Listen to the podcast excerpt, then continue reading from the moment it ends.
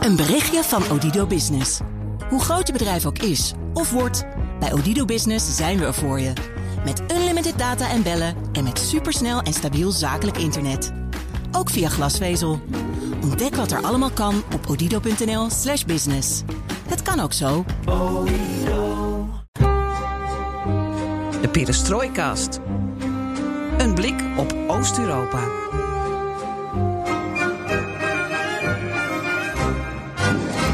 Welkom bij BNR Perestrooikast, de 22e aflevering alweer van de enige podcast van Nederland die pretendeert volledig oog voor het oosten te hebben. En deze aflevering hebben we natuurlijk weer van alles voor je in petto. Floris. Gert-Jan, goed om je weer te zien. Bij verkiezingen zoals we die al vaker hebben gezien in, de afgelopen, in het afgelopen half jaar, blikten we altijd braaf, keurig vooruit, zoals journalisten dat doen.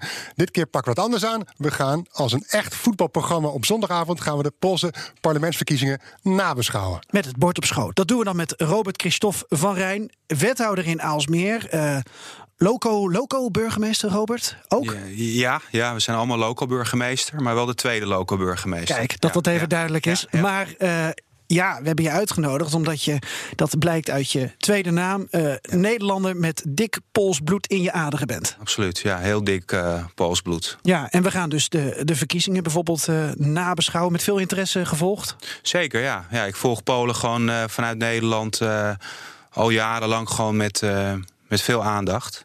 Dus ik was ook weer heel benieuwd hoe dit ging verlopen. Ja. Daar gaan we het zo over hebben. Zeker. En uh, we hebben nog een primeur in uh, Perestroikas ja, Flores. Het, ik ben er heel blij mee. Uh, we hebben onze eerste reportage namelijk vanuit Lviv... waar ze het niet zo hebben op de verse president Zelensky... gemaakt door student Laurens Visser. Kijk, dat is fijn om te horen. En uh, vaste prik op het einde, de uitsmijter, de dijenkletser van onze man in Moskou, Joost Bosman, die hopelijk een voor ons begrijpelijke mop in huis heeft. En je weet inmiddels, alles ten oost van de rivier de Elbe kan de komende weken, maanden, jaren in deze podcast besproken worden. Ja, daar was je toch een beetje van slag, omdat het normaal gesproken mijn tekst is. Doe ik gewoon jouw tekst. Wat leuk is, is dat wij heel sociaal en democratisch zijn. En dat je ideeën kunt inbrengen via Twitter, perestrooikast, of mail ons op perestrooikast.bnr.nl. En daar doen we nog wat mee ook. En ik ben Floris Akkerman. En mijn naam is Geert-Jan Haan. En dit is dus... Perestrooikast.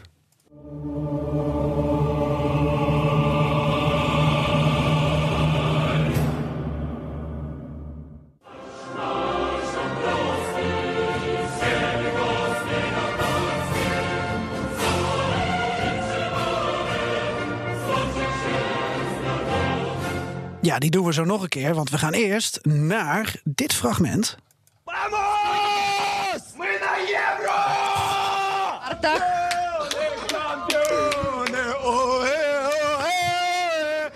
hierro! Ja, dit is de Oekraïense voetballer Zinchenko die van geen stoppen wist toen Oekraïne zich uh, plaatste voor het EK voetbal en ongeveer uh, elke verslaggever en elk praatprogramma daar lastig viel. Oekraïne geplaatst voor het EK, Rusland geplaatst voor het EK en Polen geplaatst voor het Ik EK. Ik zie al een extra aflevering komen. Ja, volgend jaar. In aanloop naar het EK. Precies, uh, ik zou zeggen op locatie ergens toch ook? Het uh, zou mooi zijn. Bijvoorbeeld Petersburg is een van de speelsteden. Ja, ik zou het ook al vanuit Polen willen volgen. Is Warschau een speelstad? Volgens mij niet, hè? Volgens nee, mij volgens gaan ze niet naar Polen. Nee. nee. Maar wel weer erbij volgend jaar. Dat is leuk voor Polen natuurlijk. Zeker, Polen heeft zeker een goede elftal. Dus goed dat ze erbij zijn. Ja, voor wie ben je eigenlijk op een uh, voetbaltoernooi? Uh, kijk, ik, ben, uh, ik heb heel lang een Nederlands en Pools paspoort uh, gehad. En, maar, en, ik, en ik ben Nederlander nu. Maar uh, ja, het bloed kruipt toch waar het niet gaan kan. Dus als Polen Nederland speelt, ja, ben ik voor Polen. Ja, je hebt wel wat op je revers inderdaad. Zeker, ja. Weet je, ik draag heel vaak de Poolse adelaar. Mm -hmm. uh, ja, ik ben toch gewoon heel trots op mijn moederland. Ja, afgelopen jaren was het wel makkelijk kiezen... want er deed Nederland niet mee met de eindtoernooien en Polen wel. Inderdaad. Ja, dat maakt het dan diplomatiek wat, uh, wat makkelijker. Hey, Floris, uh, veel uh, nieuws uit de regio Altijd de afgelopen tijd. Mhm. -huh. Um, ook met dat voetbal gerelateerd. die schandalige rel in Bulgarije. racisme op de tribunes, vanaf de tribunes in de voetbalwedstrijd tegen Engeland. Engeland besloot uiteindelijk sportief af te rekenen met Bulgarije. Niet van het veld te stappen met 0-6. Inmiddels is dat tot in regeringskringen een, een crisis geworden. Met uh, voorzitter van de voetbalbond die weg moet. Minister die zwaar onder druk staat. Omdat Borisov, de baas van Bulgarije, toch vreest voor bepaalde sancties op uh, sportief uh, gebied. Maar ja, het is eigenlijk. De Bulgaarse bondscoach had niks, had niets gehoord, toch? Tijdens de wedstrijd. Die van, had zijn kop in het gras gestoken, inderdaad, ja. inderdaad. Heel verstandig. Ja, eigenlijk is dit iets wat we natuurlijk overal zien. We kunnen Mhm. het onder het vergrootglas van Bulgarije leggen. Maar ja, als jij in Rusland bent, dan maak je het vast ook wel mee. Ja, het is gewoon niet uit te banden uit het voetbal. De UEFA probeert wel van alles. En ik geloof dat ze ook wel met deze wedstrijd in de maag zitten. Uh, maar uh, ja, in dit geval Bulgarije. Uh, het, is, het, is, het, is, het is inherent aan, aan, aan, aan elk land. Ja, Ander nieuws is dat uh, als we iets opschuiven naar boven, uh, dat Roemenië, waar de regering is gevallen, een overgangsregering heeft gevormd. Dat heeft de president Klaus Johannes zo geregeld. Mm -hmm. En om het wat makkelijker te maken voor de volgers van de perestrooikast, heet de premier in Roemenië voortaan Orbán. Hey. Ja. Ideaal. Of niet? nou ja, dan moet je er voortaan bij zeggen over welk land je het hebt.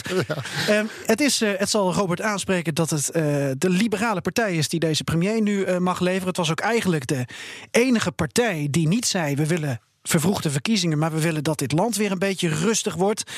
Ja, Robert, vanaf een afstand volg je de regio, natuurlijk vooral Polen. Maar ja, een land als Roemenië kan ook wel een opknapbeurt gebruiken, volgens mij. Politiek gezien. Ja, lastig voor een politicus om daar een uitspraak over te doen. Maar, uh, nee, maar goed, Oost-Europa in zijn geheel is wel gewoon een beetje een gebied wat, ja, wat onze belangstelling heeft van hoe het zich gaat ontwikkelen. Ja. En uh, ik volg dat uh, nauwlettend, omdat ik natuurlijk en, en, en gewoon Polenliefhebber ben. Ook politicus. Uh, je kijkt ook naar de Europese Unie, hoe dat zich ontwikkelt. nou, ik kijk wel met argusogen hoe dingen zich in de Europese Unie gaan ontwikkelen. Ja, omdat het vallen Brexit. en opstaan blijft ja, de hele tijd. Ja, hè? weet je, ik sluit echt niet uit. Kijk, die, die, als dit zich zo blijft ontwikkelen in al die landen. er wordt wel eens gesproken over een soort ja, weet je, Centraal- of Midden-Europese liga. Ja. ook okay, met Estland, Letland, Litouwen. Ik bedoel, daar, daar, er zit veel ook met van die landen aan de oostkant van de Europese Unie, wat, wat ze daar met elkaar bindt. Ja. Dus uh, volgens mij moeten we daar uh, goed oog voor houden. Uh, want op het moment dat de ene uit de Europese Unie gaat stappen, ja, weet je, dan, dan, dan kun je naar verschillende soorten lidmaatschappen gaan kijken. Dus uh, ja, dat, dat zou mijn uh, voorspelling voor de komende jaren zijn om dat goed in de gaten te houden. Ja. In de Washington Post stond vandaag, geloof ik, een artikel van Anne Applebaum. Die had de Slovaakse premier gesproken, of nieuw.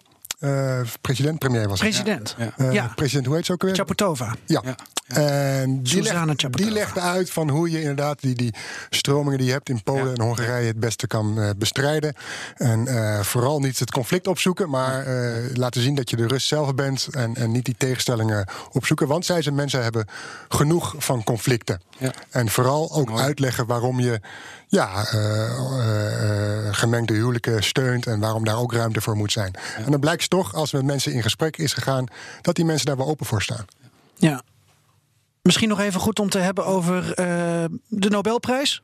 Graag, want dat is toch altijd wel belangrijk. Nee, belangrijk, in ieder geval mooi om aandacht aan te besteden. Ja, want geplaatst voor het EK voetbal is Polen. En de Nobelprijs voor de literatuur gaat naar Polen. Dus opnieuw gefeliciteerd. Gratuluję. Ja, ja dziękuję.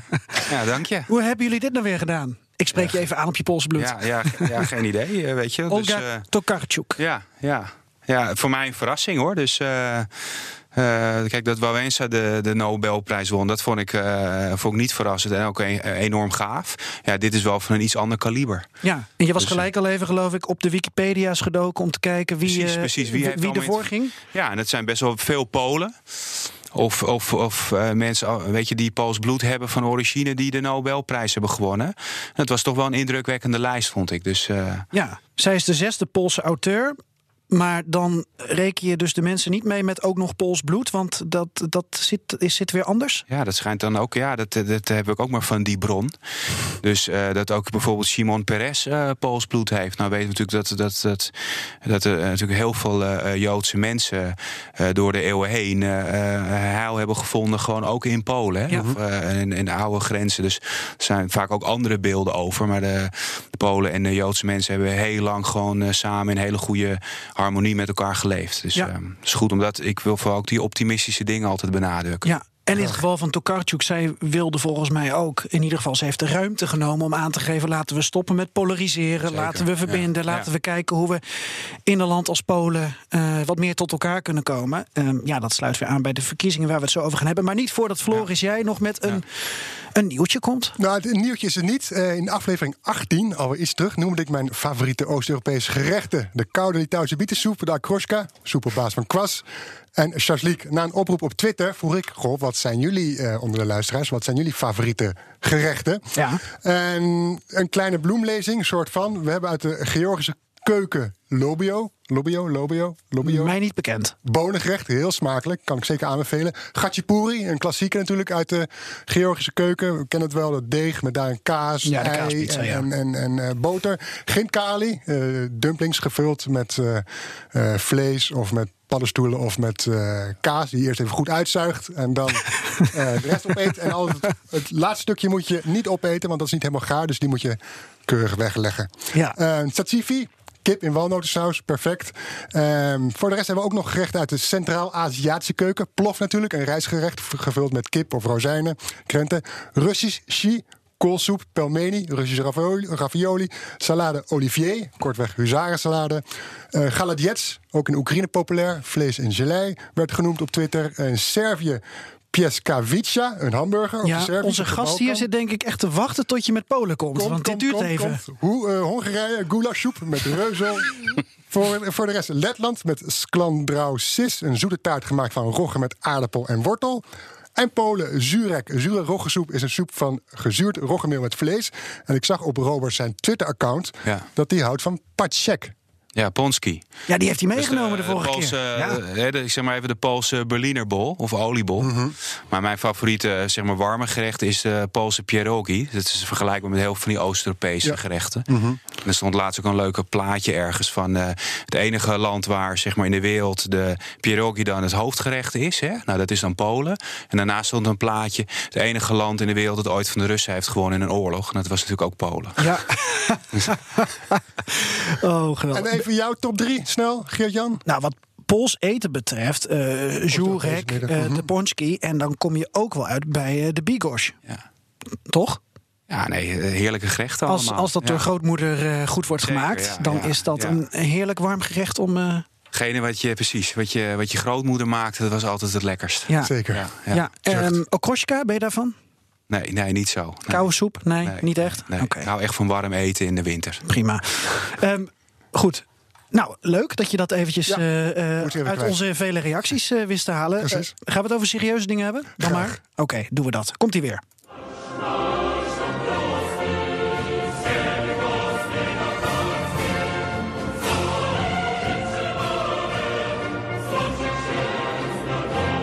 Ik vind het wel een van de mooiste volksliederen van de wereld. Maar dat heb ik volgens mij eerder al gezegd. Van het Poolse volkslied.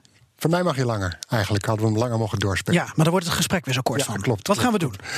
We gaan het hebben over de parlementsverkiezingen in Polen afgelopen zondag. Want het stof daarvan is neergedaald en de uitslag is eigenlijk heel helder. Een ruime overwinning voor de ultraconservatieve PiS. Al is die zegen met zo'n 44% van de stemmen minder glanzend dan ze daar hadden gehoopt. Want om de grondwet te wijzigen was eigenlijk twee derde meerderheid in het parlement nodig en die is niet gehaald. Dat houdt in dat ook de oppositie niet volledig is weggevaagd. En in de aanloop, zoals ik het volgde, kwam één thema eh, in de aanloop naar de verkiezingen duidelijk naar voren. En dat is de onderlinge verdeeldheid binnen Polen. Tussen platteland en stad, binnen families en binnen vriendengroepen. En met Robert eh, gaan we de uitslag proberen te duiden en kijken we of Polen inderdaad zo verdeeld is. Ja. Misschien dan toch even een nadere introductie als het mag. Eh, want VVD-wethouder in Aalsmeer, Ja. eh, tweede lokale burgemeester, Pools bloed. ehm, en daarom spreken we je ook. Ehm, ook al is de situatie in Aalsmeer vast ook buitengewoon boeiend om, om te volgen. Maar voor onze luisteraars misschien net iets minder. Wel veel Polen geloof ik, Ja, trouwens. ja. Ja, Pools, eh, De Polen zijn, eh, is de tweede gemeenschap eigenlijk in eh, Aalsmeer. Oké. Ook vanwege onze sierteeltsector. En dat is Mhm. al decennia lang zo. Dus we hebben gewoon altijd heel veel Polen die de lokale economie ondersteunen. Dus eh, ja, dat is voor mij ook gewoon eh, een hele mooie gemeente om dan daar wethouder te zijn. Omdat ik dan die Polen ook spreek. Eh, dus dat is ook gewoon heel erg leuk. Ja. hey, je wortels. eh, Ja. Hoe zit dat precies in elkaar? Wat is je achtergrond, je Poolse achtergrond? Ja, ja, uh, ja, hoe ver we terug? Hè? We zijn met stamboomonderzoek uh, bezig. Dat gaat, dat gaat best ver terug. Maar mijn familie komt allemaal vanuit ongeveer het midden van Polen. Uiteindelijk naar de stad getrokken rondom Warschau. Ja, zoals veel families ook natuurlijk onder het communisme ook wel gewoon veel gewoon een militair verleden. He, bedoel, heel veel mensen hebben in het leger gezeten, dus dat heb ik ook wel meegekregen. En uh, ik ben in 77 geboren. En ben, mijn, ben door mijn oma eigenlijk ja, ook zeg maar in die vrijheidsstrijd met heel veel dingen meegenomen. De kerk stond toen aan de kant wat wij zeg maar de goede kant noemen. He, dus aan de kant van de solidariteit. Ja. En uh, ja, weet je, ik heb gewoon, ondanks dat ik bijvoorbeeld vier was in 81 met de staat van beleg. zeven toen, weet je, een, een priester werd vermoord ja, weet je, toen, toen liep ik al in zo'n opstand mee en heb ik dat toch wel een beetje meegekregen qua, qua gevoel. Dus ik was zeven. Weet je, dat je in zo'n zo'n zo'n mars uh, meeloopt voor zo'n priester. Ja, dat, dat weet je, dat blijft indruk maken. Weet je, je bent vier. Uh, als je dan je oma weer bezoekt en de tank staat op straat, omdat de staat van beleg, weet je wel, uh, is. Ehm, ja, weet je, dat draag je echt gewoon mee. En, en, wat dat mij heeft gebracht is enerzijds in het Westen opgroeien, maar ook heel vaak gewoon uh, zeg maar in Polen opgroeien. Is dat je die twee werelden eigenlijk hebt gezien hè, aan de beide kanten van de muur. Je ging ook letterlijk door het gordijn heen. Ik ging letterlijk door. Dat kan je dat nog herinneren, die autoritjes? Nou, wij vlogen. Jullie vlogen? Ja, wij vlogen. Je vloog over het gordijn heen? Ja, ja. nou ja, dat ging toen nog via, weet ik nog heel goed, via uh, Bornholm. Zo'n eh, zo'n Deens, uh, want we konden niet over DDR-grondgebied uh, vliegen. Dus dat ging echt, zeg maar, vanuit West-Duitsland, dan via Bornholm, Denemarken. En dan ging het vliegtuig weer, zeg maar, het Poolse luchtruim in. Hm. Zo, zo waren die vluchten. -hmm. dat kan ik me nog wel goed herinneren. Ik ben één keer ooit in mijn leven, toen ik ouder was, ben ik met de auto vanuit Berlijn, Polen ingereden. Nou, dat was ook echt uh, mijn laatste keer. Want ik werd echt meteen uh, naar de grens ook aangehouden. Zoals alle westerse kentekens langs de weg. En uh, ja, ik had schijnbaar een boete die ik moest betalen. Maar je had dan al de, de vereiste reispapieren. Daar kon je makkelijk aankomen. Ook misschien wat je Poolse link hebt? Of hoe, hoe ging dat? In welke periode ja, bedoel je? De, de, de, Solidarność bedoel je? Ja, nou, tijdens de, de, het IJzeren Gordijn ja, periode. Ja, goed, kijk, uh, mijn, mijn, moeder was natuurlijk van Poolse afkomst. Dus, uh, dus die heeft heel lang nog gewoon een Pools paspoort gehad. Spraken mm-hmm. jullie ook Pools? Ja, ja. Uh, en, um, nou goed, en op het moment dat we dus zeg maar, ik weet nog wel bijvoorbeeld heel jong, dat mijn, mijn moeder was natuurlijk met een uh, Nederlandse man getrouwd, dat ook zeker in die begintijd, als je dan terugkwam met een visum inderdaad, die visa moesten we dan halen in Den Haag, hè, waar nu nog de Poolse ambassade nog steeds zit. Dat moesten we eerst halen. Dan kon je naar Polen inderdaad reizen. En ik weet nog wel ook in het begin dat mijn moeder en zowel mijn vader zich ook bijvoorbeeld moesten melden daar. Weet je, toen er nog best wel strikt bewind was. Dus dat was best wel, ja, ook wel een gekke tijd. Uh, maar dat krijg je wel bewust mee. Ja, voor mij is dat op, was dat gewoon heel normaal. Je dacht, nou, iedereen moest dat. Ja. Uh, zo normaal is dat helemaal niet. Maar ja, voor ons was het wel gewoon normaal. Weet je, dat was wel de manier om je familie te bezoeken. Ja. Welke en, leeftijd kwam je definitief naar Nederland? Of hoe ging dat precies in jouw kinderjaren? Ja, ik ben geboren gewoon in Nederland. Maar ja. ik, weet je, wij hebben daar gewoon weken, maanden uh, verblijfden we. Omdat mijn vader veel onderweg was met reizen. Dus, dan, dan ging jij van, met je moeder naar je oma? Precies. En dan waren we daar bij de familie, ja, weet je wel, die toen nog heel groot was en waar je elkaar allemaal opzocht. En gewoon dingen deed. En dat was zowel, zowel zomers als winters zat ik daar. Ja. Die oma woont in of woonde? Ja, die woonde in Warschau. Warschau. Ja. De tijd vliegt, want het is ja. uh, nu 30 jaar zo. geleden dat de muur uh, ja. viel. Komen we waarschijnlijk zo nog over te spreken.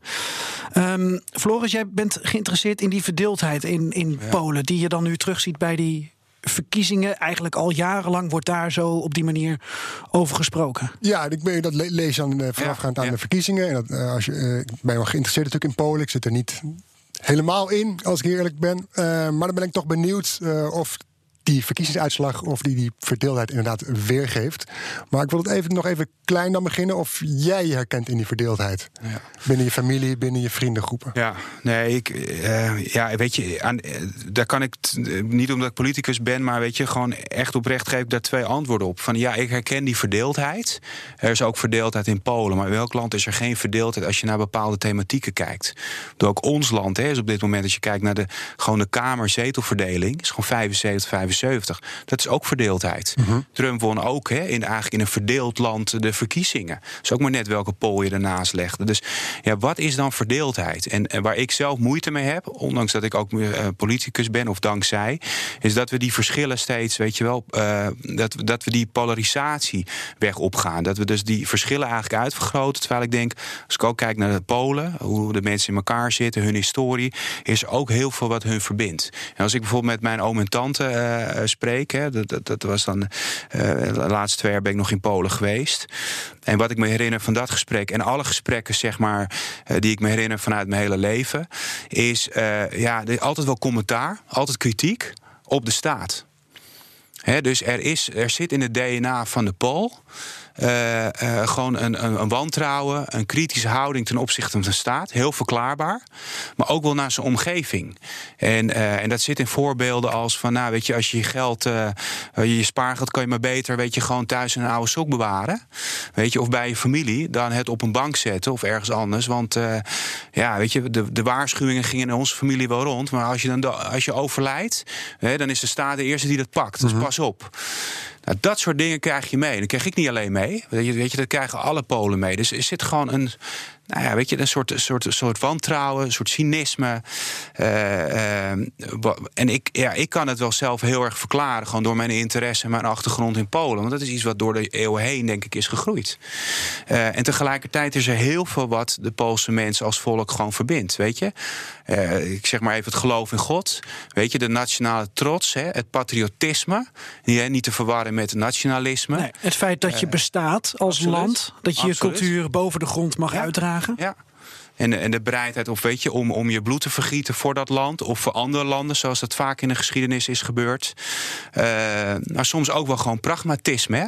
Van wat brengt de dag van morgen? Kijk, wij wonen, wij wonen in een welvaartsstaat waarin onze pensioenen nou, redelijk goed geregeld zijn, waar je een baan hebt, dat je denkt, nou, het komt, het komt allemaal wel goed.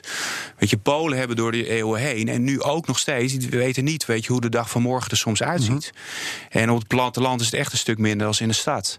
En dan ben je wel lid van de EU. En dan is het wel de moderne wereld. Maar dat is nog niet zo gek veel veranderd. Dat lees je ook, dat hoor je ook. Gewoon mensen die zeggen: Ja, weet je, ik weet niet hoe de dag van morgen eruit ziet. En hoe ik mijn kinderen eten kan geven. Of of ik nog een baan heb. En dat is een mate van onzekerheid. Ja. ik, ik, vat het maar samen in, in onzekerheid. Die ook in het DNA zit. Een onzekerheid. Hoe ga je daarmee om? Ja. Zie, zie je die verdeeldheid dan terug in de uitslag? Ja, ja, maar goed, dat soort verdeeldheden zie je, ja, weet je, dat, als je het politiek bekijkt, ook in Nederland gewoon terug. Ja, want ik zie wel dat, dat PiS, uh, uh, je zou zeggen, die pakt het conservatieve deel, wat ik heb begrepen, pakt ze ook door hun politiek, ja. uh, linkse politiek, om het zo even ja. heel snel te zeggen, met maatregelen. Dat is ook breder dan die. Maar volgens mij is het ook maar de vraag hoe je het bekijkt en analyseert. Um, want ik zie ook allemaal kaartjes langskomen uh, op de sociale media die, die de verkiezingsuitslag duiden. En dan zie je een, een kaart van uh, stad platteland. Mhm. Mm -hmm. Je ziet een kaart met een scheiding van de, van de Wieswa, dus dan is het West-Oost. Um, Polen maar volgens, A en B, Polen. A B. Maar volgens mij moet je het bijna tot op wijkniveau, dus binnen in een stad, bekijken om het daadwerkelijk te kunnen analyseren. Want ja, ja het is Nee, zo goed, Die ingewikkeld. plaatjes zie ik ook voorbij komen. Maar die zie je ook bijvoorbeeld in de laatste jaren in Nederland voorbij komen. Van waar de PVV dan wint. Of weet je, het CDA. Of uh, als, je een ander, als je een districtenstelsel erop loslaat. dan ziet het, weet je, de gekleurdheid van het land er weer anders uit. Ja. Dus ik vind het lastig. Hè, dat is mijn eigen opvatting. om heel erg te denken in die, weet je, in die polarisatietermen. Dat je zegt, ja, tuurlijk zijn er verschillen. En als je in een stad woont, dan stem je ook anders dan op het platteland. En dat zie je ook in de afspiegeling van hoe mensen in Polen. bij deze verkiezingen hebben eh, gestemd. Wat PiS gewoon wel slim heeft gedaan. En dat, dat zie je ook wel een beetje. eh, Niet om ze qua politieke uh, dimensie te vergelijken. Dat is gewoon het beste beetje pakken van wat doelgroepen uh, uh, interessant vinden. Of op dat moment actueel vinden. PVV heeft dat ook een periode gedaan. Gewoon een combinatie met een beetje een xenofobische houding. En tegelijkertijd wel zeggen van oké, die sociale welvaartsstaat die heeft impulsen nodig. Dat zijn ook echt sterke onderdelen in het programma van PiS. Dat spreekt gewoon heel veel verschillende doelgroepen in de bevolking aan. He, oudere mensen op het platteland, ook wel jongere mensen. Ik noem dat een beetje blended politiek, een beetje cherrypicking. Uh, ik denk niet dat het een duurzame politieke koers is, maar het heeft tot nu toe wel wat opgeleverd. Ja. Dat het over on onzekerheid zo even is, ja. dat dan biedt dan bescherming Ja. door hun maatregelen? Ja. Kijk, ik denk dat Polen wel gewoon geïsoleerd, hè? Polen is wel gewoon door de eeuwen heen en nu ook eh, is wel lid van de EU, maar heeft ook gedoe met de EU. Hè, met het eh, hele rule of law, hè, rechtsstaat, eh, rechters. Dat is helemaal geen issue. Ook in deze politieke campagne. Ja, dat probeert de oppositie heeft dat wel proberen te vergroten. Maar voor heel veel mensen is dat gewoon helemaal geen issue. Die vinden het veel belangrijker dat ze een verhoging van de kinderbijslag krijgen. Ja. Of dat ze minder eh, inkomstenbelasting als jongeren moeten betalen. Nou, dat zijn natuurlijk hele slimme aspecten. Dat geeft zekerheid. En zekerheid geeft ook, laat ik het zo maar zeggen, weet je, polariserende vraagstukken. Nou, Ja. ik, dat, ik, ik vind dat altijd, vind, vind ik altijd angstige houdingen. Dat je zegt van ja, goed, we, eh, eh, we, we moeten dit land, weet je wel, houden voor onszelf, bij wijze van spreken. Wat we nu heel erg zien in Oost-Europa. Nou, dat, dat vind ik wel gewoon ingewikkeld. Je hebt eigenlijk gewoon leiders nodig die zeggen: joh, wat kunnen wij, hoe kunnen wij de Poolse identiteit houden? Maar kunnen we ook openstaan voor de jonge democratie die ze nu zijn, hè, sinds 30 jaar? Jij zei het net, Ja. Geert-Jan. eh, dat je een open houding hebt, weet je, na het Vrije Westen. Maar dan kom je misschien wel eh, bij de oppositie uit, die zich probeerde te verenigen. Ehm, de uitslag spreekt voor zich. PiS behoudt mede dankzij een lijstverbinding met twee kleine partijen meerderheid in het lagerhuis. Misschien als je die stemmen omzet in een zetelverdeling en de kiesdrempel weghaalt, dat ze het eigenlijk zelf al bijna hadden gehaald, die meerderheid, geloof ik, in de, in de Sejm, in de Tweede Kamer. Ehm, is het probleem niet bij de oppositie dat ze wederom niet iemand hebben gevonden die de visionair is, die het, het, het beeld van vooruitgang met Polen heeft weten te scheppen? We hebben het eerder, eerder met elkaar gesproken, eh, Robert, en toen hebben we het wel eens over Tusk gehad. De hoop dat Tusk misschien zou terugkeren. Als open vraag, hoe kijk je hiernaar? Ja, ik, eh, ehm, eh, ik, ben, het- ik ben helemaal met je eens. Hè. Ik denk dat de, de, de oppositie, ook met, weet je, de laatste zes weken hebben ze toch iemand anders weer naar de voorgrond eh, geschoven.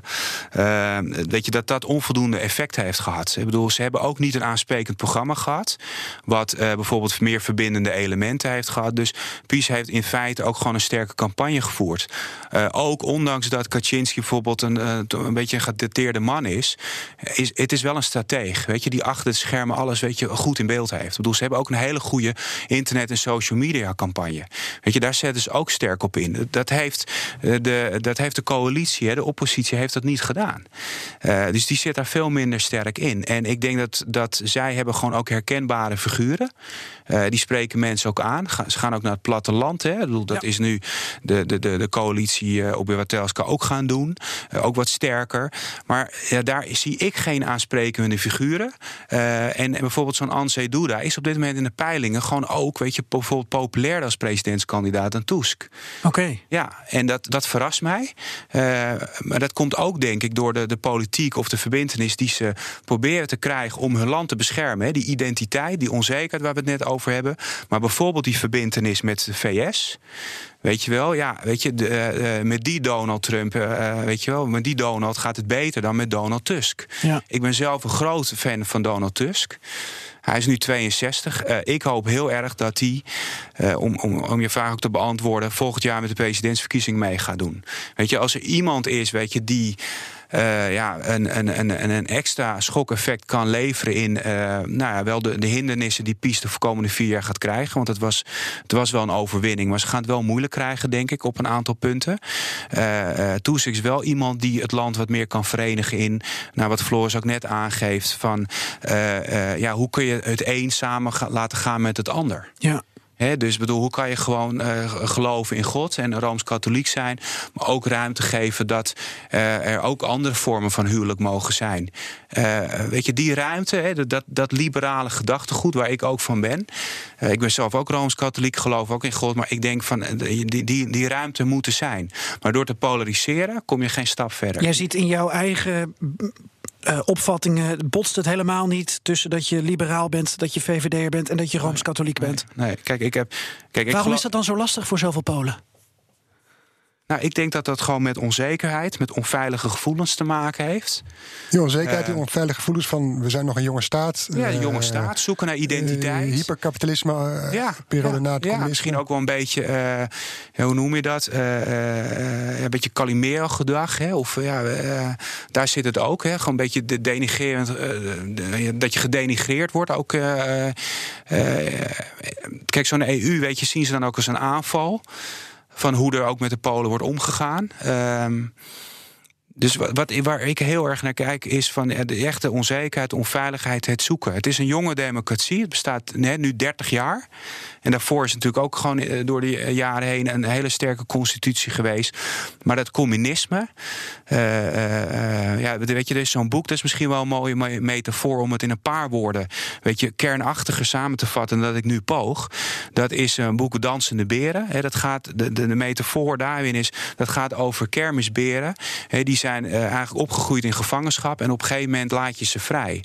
En welk gedrag vertoon je dan? Ik denk dat, en dat staat symbool eigenlijk he, voor het Poolse volk uh, en andere volken die onder dat communisme, onder dat juk vandaan zijn gekomen en proberen die democratie met alle glorie weet je, nieuw leven in te blazen. Nou, en dat, hoe dat gaat met schokken.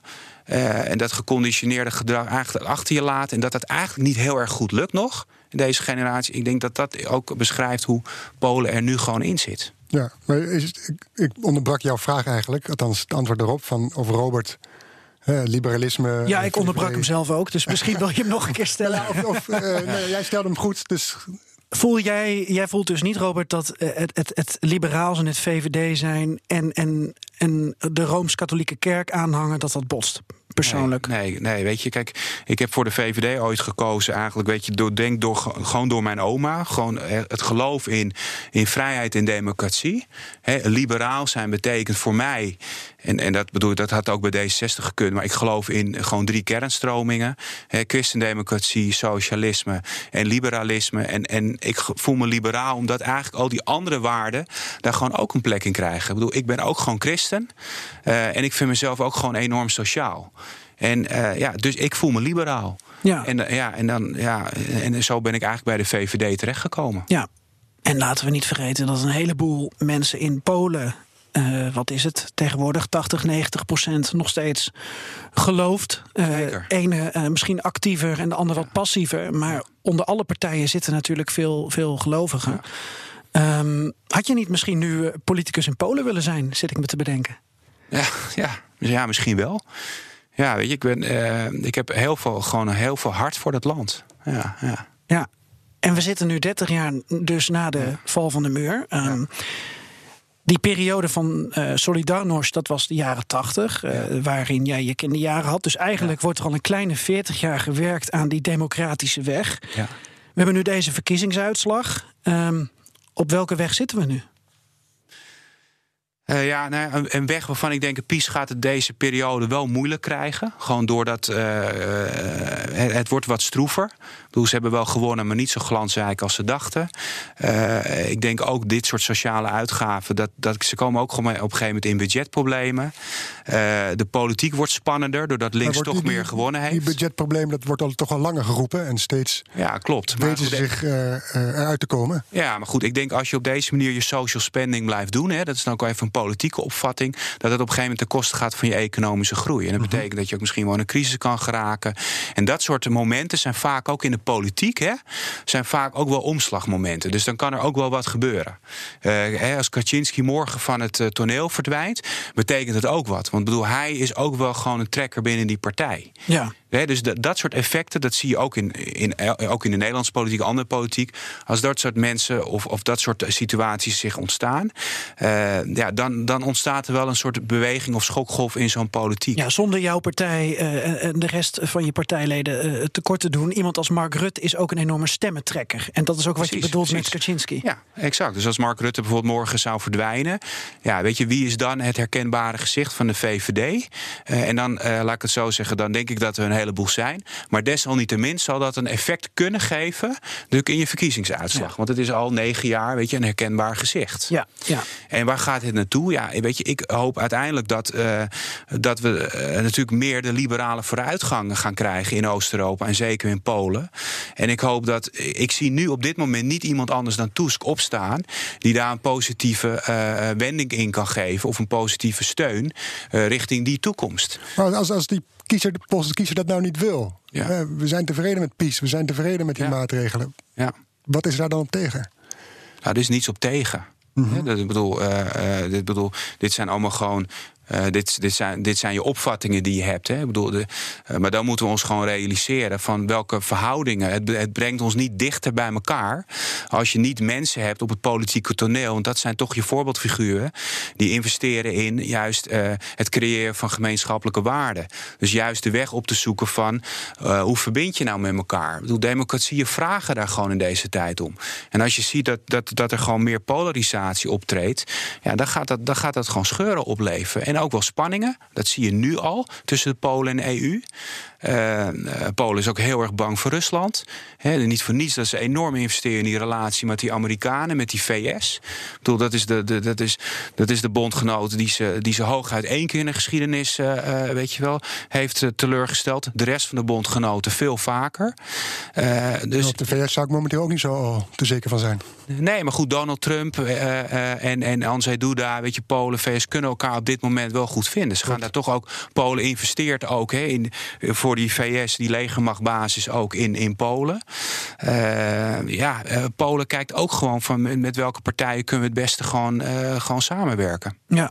Hoe kijk je nog naar ontwikkelingen op het gebied van, van rechtsstaat, um, vrije media? Daar wordt ook veel over gezegd en gesproken. En er wordt over deze verkiezingen gezegd: het waren vrije verkiezingen, maar niet de meest eerlijke verkiezingen. Met name door hoe dat uh, op tv telkens wordt verkondigd. Ja. Ja, volgens mij heb ik daar geen andere schokkende conclusie dan wie dan ook in. Ik bedoel, uh, uh, daar, daar hebben we gewoon zorgen om. Weet je, op het moment dat je, de, uh, weet je een, een, een televisiezender gewoon beheerst, weet je, kranten ja. beheerst. Welke media uit Polen volg jij bijvoorbeeld via, via internet? Wat is nou, onafhankelijk? Probeer, probeer, probeer gewoon onafhankelijk gewoon te volgen en niet zeg maar de staatszenders te volgen. Wel naar te kijken, maar dan zie je de gekleurdheid die je ook de laatste tijd in de media eigenlijk krijgt. Ja. En ik probeer eigenlijk gewoon, ja, ook weet je, ook de, de media die gewoon over Polen schrijft, buiten Polen om gewoon te volgen. Om, en, en de namen die we, ja, die we ook noemen vanuit de journalistiek, hè, en die jullie ook kennen, uh, uh, ook die te volgen van hoe wordt er gekeken tegen Polen en Oost-Europa. Dus ja. dat, dat probeer ik gewoon uh, te volgen. Ja, is er een, een Engelstalig of Nederlandstalig of Duitsstalig medium of een journalist die jij graag volgt op het gebied van Polen, waarvan je zegt van joh, mensen ga dat eens lezen als je een neutraal, goed beeld van Polen wil? Ja, dan moet je altijd voorzichtig zijn. Want als je de ene. Kijk, je moet, je moet in ieder geval goed naar jullie luisteren. Ik denk dat dat een hele goede is. Dankjewel. Ja. Floris zei 20 minuten geleden dat hij er eigenlijk niet zoveel van weet. Maar goed. Nee, ja, ik. Maar daarom luister ik naar onszelf. Dan snap ik er opeens na ja, ja. Goed, er zijn er verschillende. Hè, maar je ziet, ik vind ook, wat ik lastig vind soms in de journalistiek, uh, is waar we die polarisatie waar we het net over hebben. Dus het uitvergroten ja. van die verschillen is natuurlijk interessant. Ook in politieke campagnetijd is dat interessant. Uh, uh, maar het brengt ons soms niet dichter bij elkaar. Nee. Nog even kort naar iets anders. Um, Breda. Herdenking, ja. 75 jaar Tweede Wereldoorlog en de bevrijding door de Polen. Ja. Jij gaat erheen. Ja, ja, ik probeer. Ik bedoel, Polen is natuurlijk niet alleen mijn bloed. Het is ook mijn passie in het, uh, het volgen van uh, zeg maar de Tweede Wereldoorlog traces en, uh, en de Koude Oorlog. Dus, dus als ik naar Normandië ga, dan zoek ik ook gewoon het Poolse kerkhof op. Probeer ik die niche in de geschiedenis te volgen, want dat is interessant. Dus zo staat Schotland nog op mijn lijstje. Breda ga ik dit jaar naartoe, want het is 75 jaar geleden dat de Polen zeg maar Nederland hebben bevrijd. Hè? en ja, dat is natuurlijk ook Breda is in daar gewoon een historisch markeerpunt. Dus ja, ik vind het gewoon mooi om dat gewoon, gewoon mee te maken. En het is een heel programma zoals dat er elk jaar is. Maar dit jaar is natuurlijk 75 jaar. Ja. Dus ik vind het gewoon mooi om, daar, om, de, ja, om dat daarvan te genieten, zeg maar, op die manier. Met alle hoogwaardigheidsbekleders er ook ja, bij. Ja, die schijnen ook allemaal natuurlijk te komen dat 75 jaar is. Dus de koning schijnt te komen van Nederland en de president van Polen. Ja. dus ja, we zijn natuurlijk bezig met een nieuwe Maciek museum ook. Dus dat probeer, probeer ze allemaal gewoon in de, in de touwen te krijgen voor, de, voor dit jaar. Voor in ieder geval de eerste beginselen en de tentoonstellingen. Nou goed, alles wat in 75 jaar van belang is. En hopelijk zijn er ook nog wel wat uh, ja, mensen die. Uh, dat, dat zijn steeds meer de, de, de, de laatste mensen die ook mee hebben gevochten aan het front. Want die worden ook enorm oud. En. Uh, ja, weet je, het geeft toch altijd. Ik bedoel, als je het, het volkslied, dat heb je nu al twee keer gedraaid in deze uitzending. Je krijgt elke keer weer kippenvel van, weet je. Ja. Uh, en, en, en, en, en, en, weet je, en dat zijn toch de dingen die die Polen ook gewoon binden. Ja, mooi. Ik uh, wens je heel veel plezier bij die uh, herdenking. Want volgens mij is het, is het een mix van herdenken, maar ook blij zijn met wat de Polen ons in Zuid-Nederland hebben gegeven, namelijk vrijheid. Zeker. Ja. Ja, ja. Eh, Aalsmeer is niet Zuid-Nederland. Door wie is Aalsmeer bevrijd? Weet je dat? Eh, nee, dat vind ik een- Strikvraag, hè? Ja, dat is een hele goede vraag. Ja, niet door de Polen, maar goed. Nee, dat, maar weet, dat weet ik wel. de ja. Polen weten wel een deel Ja. van de economie van Aalsmeer nu draaien. Absoluut, ja. Dus we dat zijn super blij met ze. Ja. Ehm, dankjewel, Robert Christophe van Rijn. Ja. Nederlander en Pool in, eh, in hart en nieren. Dankjewel, Robert. Eh, Floris, jij ook bedankt weer. Ja, insgelijks. Ja, wij gaan zo verder. Gaan we eerst even een foto maken. Is goed. Anders vergeten we dat. Selfie. En van verkiezingen in Polen gaan we naar verkiezingen in een ander land. Nee, niet Hongarije, niet de lokale verkiezingen. Met toch ook de boeiende uitslag eh, in een aantal grote steden... waar een oppositiekandidaat eh, in plaats van de Fidesz-kandidaat... nu burgemeester wordt. Er is zoveel gebeurd in onze regio, Floris. Ik hou het niet meer bij eigenlijk soms. Nee, maar toch is dat onze taak, om het bij te houden. We doen ons best. Ja, maar gelukkig krijgen we af en toe hulp van buitenaf. Ja, zeer dankbaar. Zeer dankbaar daarvoor. En daarom hebben we nu ook een primeur in handen. Daar zijn we enorm trots op. Als volgt. Eh, we leiden hem in de primeur. Ja, god, moet ik nog een keer tromgeroffelen? Heb je hoe lang... eh, In Kiev, in Kiev, zagen we de afgelopen weken haast als vanouds protesten tegen de Oekraïnse president. Dit keer gaat het om Zelensky's pogingen vrede te stichten in Oost-Oekraïne, waar nu ruim vijf jaar een oorlog aan de gang is. Op basis van deze vredesbelofte won hij de presidentsverkiezing dit jaar. Maar ja, vrede, eh, dat willen de Oekraïners best. Maar niet tegen elke Russische prijs, klonk het bij de protesten. Nee, en in Lviv, West-Oekraïne, daar volgen ze de president al langer met wantrouwen. Als enige regio werd in Lviv eh, niet voor Zelensky gestemd bij die presidentsverkiezingen. In het meest nationalistische deel van Oekraïne, kunnen we het wel zo noemen, vrezen ze dat hij te veel opschuift naar Rusland. Ja, ook omdat Zelensky natuurlijk die Russische taal niet wil afzweren. In tegenstelling tot zijn voorganger. Ja. Ja, waar ook wel wat voor te zeggen viel. Maar goed, dat is even mijn bescheiden mening. Laurens Visser, student aan de opleiding journalistiek eh, aan de Christelijke Hogeschool Ede. Die reisde na de presidentsverkiezingen af naar Lviv. En ja, daar is hij hoor, de allereerste reportage voor Perestrooikast.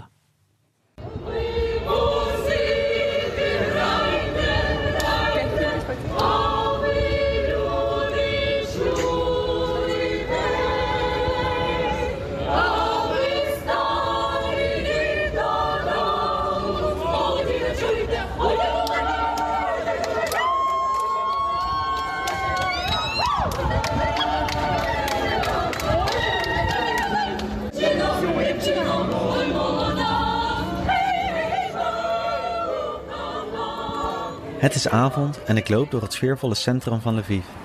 Straatmuzikanten brengen op elke hoek van de straat hun muziek ter oren. Waaronder dit straatkoor wat als een soort flashmob tussen de vele mensen verscheen en met trots dit lied in het Oekraïens ten gehoor bracht. Loop wat verder door het centrum en er komen straatverkopers naar je toe die een armbandje met de nationale vlag proberen aan te smeren. Overal in de stad wapperen blauw-gele vlaggen. Poetin wordt hier letterlijk vertrapt. Op de markt zijn deurmatten te koop met het staatshoofd van Rusland erop. Tijdens de laatste presidentsverkiezingen boekte Petro Poroshenko met zijn pro-Europese en anti-Russische politiek hier als enige een overwinning. Niet voor niets wordt Lviv dan ook als meest nationalistische stad van Oekraïne gezien.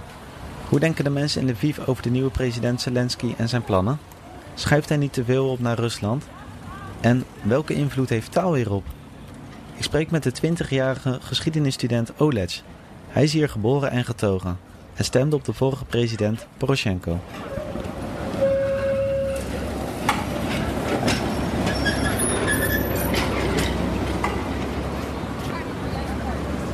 You think he's pro-Russian? Uh, he said not. He said that he is pro-European, but What do uh, you think? for Ukraine is good strict way to Euro integration.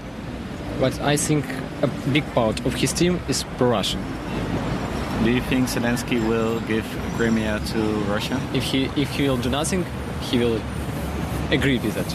He will give it to Russia. Frustrating you that he speak uh, Russian? Yeah, I uh, I don't You don't like care? I, I don't like it really. I don't like when uh, politicians speak in Russian because uh, we have on, we have only one officially official uh, government language Ukraine. They manifestate with it. They show that they are representative of uh, which people when he speaks with Russian. You can speak in Russian with in corridors, in your home, in the street, no problem. But not in official spots, not in medicine, not in education. In my opinion, there should be only one language, Ukraine, and second, okay, Russia.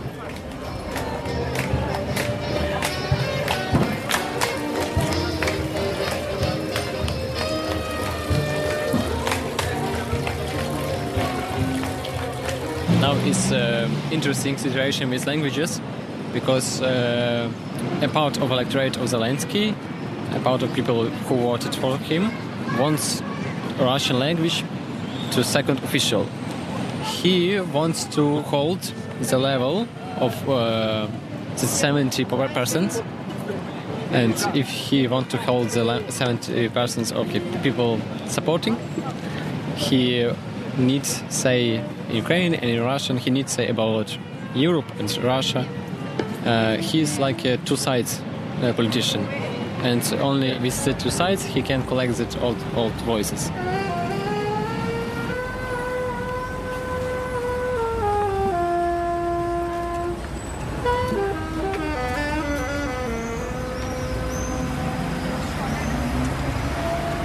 Taal is een belangrijk thema.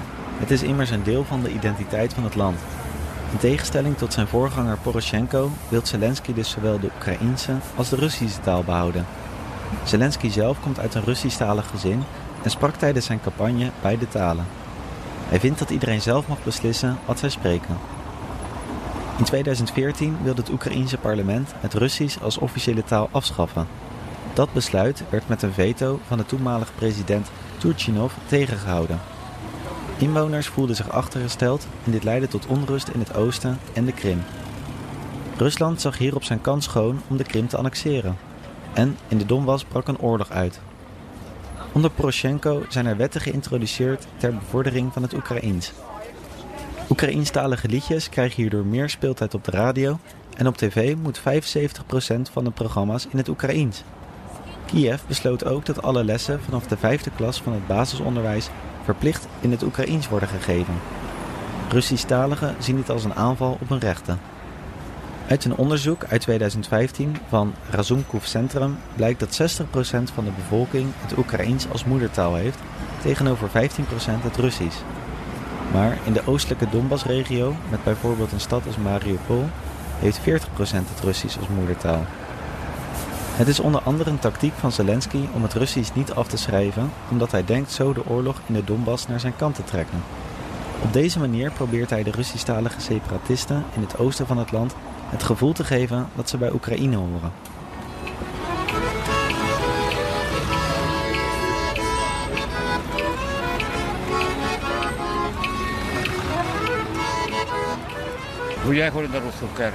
No problem. Deze man geeft aan dat het hem niets uitmaakt dat de president Russisch spreekt. We doen het hier allemaal, zegt hij. De campagne met de leus legertaal geloof, waarmee Poroshenko de afgelopen maanden door Oekraïne trok, heeft niet veel geholpen. Zelensky won de presidentsverkiezingen en zijn partij, Dienaar van het Volk, won ruimschoots de parlementsverkiezingen. Hierdoor heeft Zelensky de mogelijkheden om beslissingen te maken zonder daarbij te hoeven overleggen met de oppositie. Een van deze beslissingen zal zijn dat de door Poroshenko ingestelde taalwetten worden herzien. Zelensky zelf zegt: Het Oekraïens is de enige nationale taal. Dat was het, is het en zo blijft het. Er zijn wat dat betreft geen compromissen denkbaar. De staat moet de ontwikkeling van de Oekraïense taal bevorderen door te belonen en door positieve voorbeelden te stellen. Niet door te verbieden en te straffen, door bureaucratische procedures in te voeren en meer ambtenaren aan te stellen in plaats van minder. Eén taal als instrument van verbinding en eenheid heeft politiek en maatschappelijk gezien nog veel voeten in de aarde. Vooralsnog vormt in Lviv de haat tegen Rusland een grotere eenheid dan dezelfde moedertaal.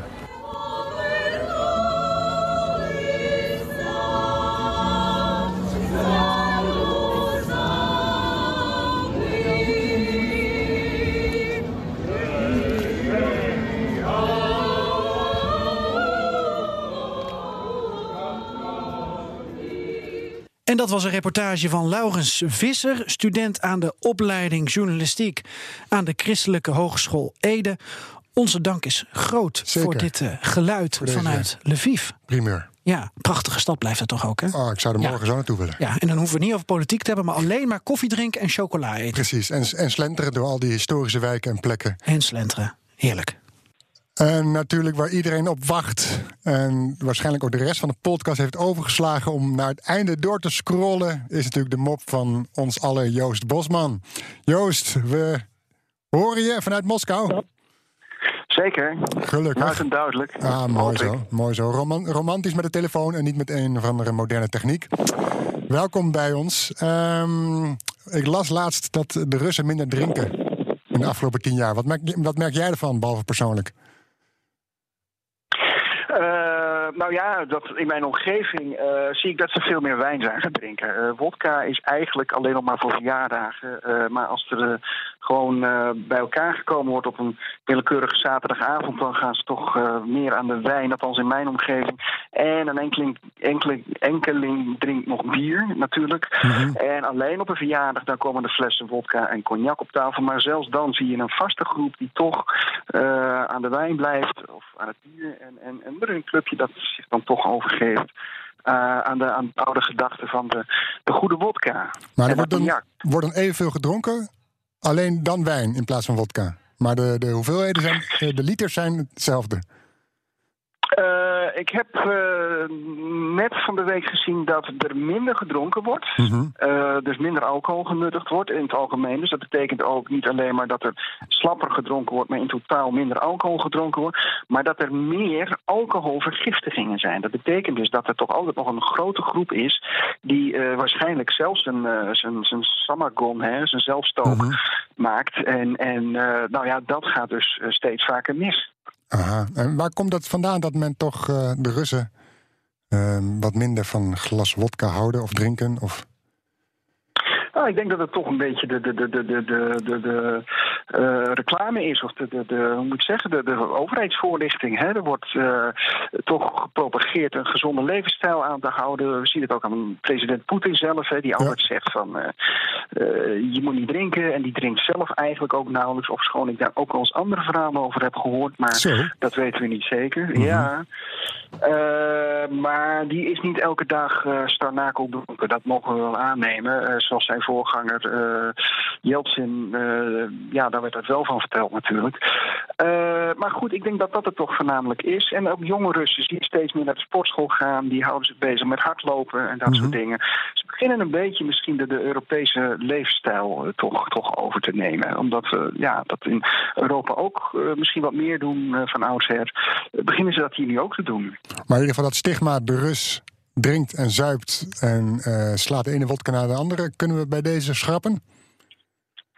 Nou, het, hangt er maar vanaf waar je bent. Kijk, in Moskou, hè, daar is toch een heel andere levensstijl wordt daar, eh, eh, wordt daar gehanteerd dan, dan in de provincies. Ik weet dat er eh, dorpen zijn en, en, en steden, kleinere steden, waar mensen echt nog steeds eh, flink aan de drank zitten. En eh, ja, dat zal ook eh, zo 1 2, 2, 1, 2, 3 niet zo heel erg verdwijnen. Maar we zien toch dat het eh, eh, redelijk vooruit gaat. Dus eh gematigd positief kunnen we erover zijn. Ik zag net gisteren overigens een bericht dat er ongeveer 1,3 miljoen alcoholisten altijd nog zijn in Nederland.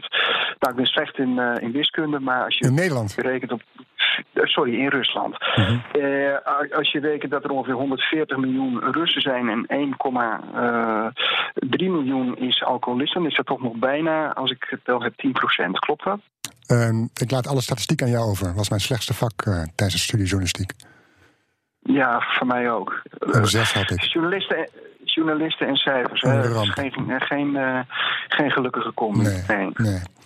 Laten we dan, eh, heb je dan ook een mop over alcohol of heb je een totaal andere mop? Verras ons, verblijd ons, vermaak ons. Joost Bosman, Het is, het ga je is- gang. het is een andere, het is een andere mop. Eh, ik heb eh, twee keer een mop verteld, geloof ik, over artsen. En één keer, of één keer over artsen, een Russische en een eh, Amerikaanse arts. En één mop over Adam en Eve. Dus ik vond dat ik nu wel weer een grapje over Poetin kwijt, kon. ja, dat, dat vind jij.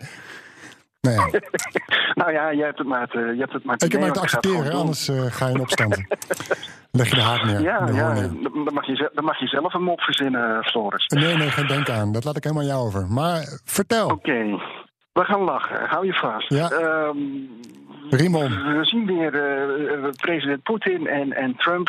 Die zitten op een, uh, willekeurige top uh, van de G7 of wat het maar. Of G20 zit hij nog bij, geloof ik, of juist niet.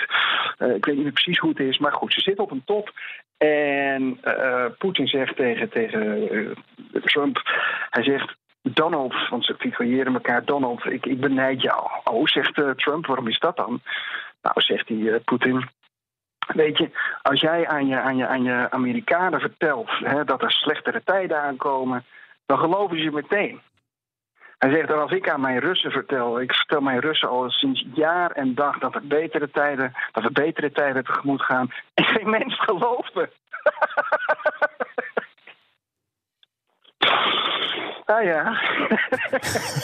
Het is, het is maar goed dat ik zelf lach, want anders lacht er niemand. Hè? dus is zover. Ah, nu heb ik je aan het lachen gekregen. Ja, nu wel. Die grap was beter eigenlijk. Ja, die was zeker beter. Um, ik ga er nog even over nadenken. En ik, uh, ja, ja, doe dat maar goed. Ik hoor je graag de volgende keer. Uh, horen we Ik hoor graag de volgende keer de uitleg van je. Is goed. Kijk of je begrepen hebt, ja? Pakka. Oké, okay, pakka. Калинка, калинка моя, в саду ягода, малинка, малинка моя.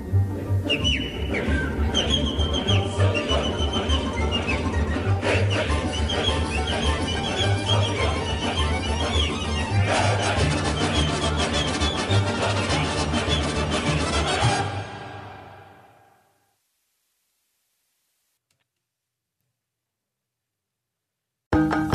van Odido Business. Hoe groot je bedrijf ook is of wordt, bij Odido Business zijn we er voor je. Met unlimited data en bellen en met supersnel en stabiel zakelijk internet. Ook via glasvezel. Ontdek wat er allemaal kan op odido.nl/slash business. Het kan ook zo.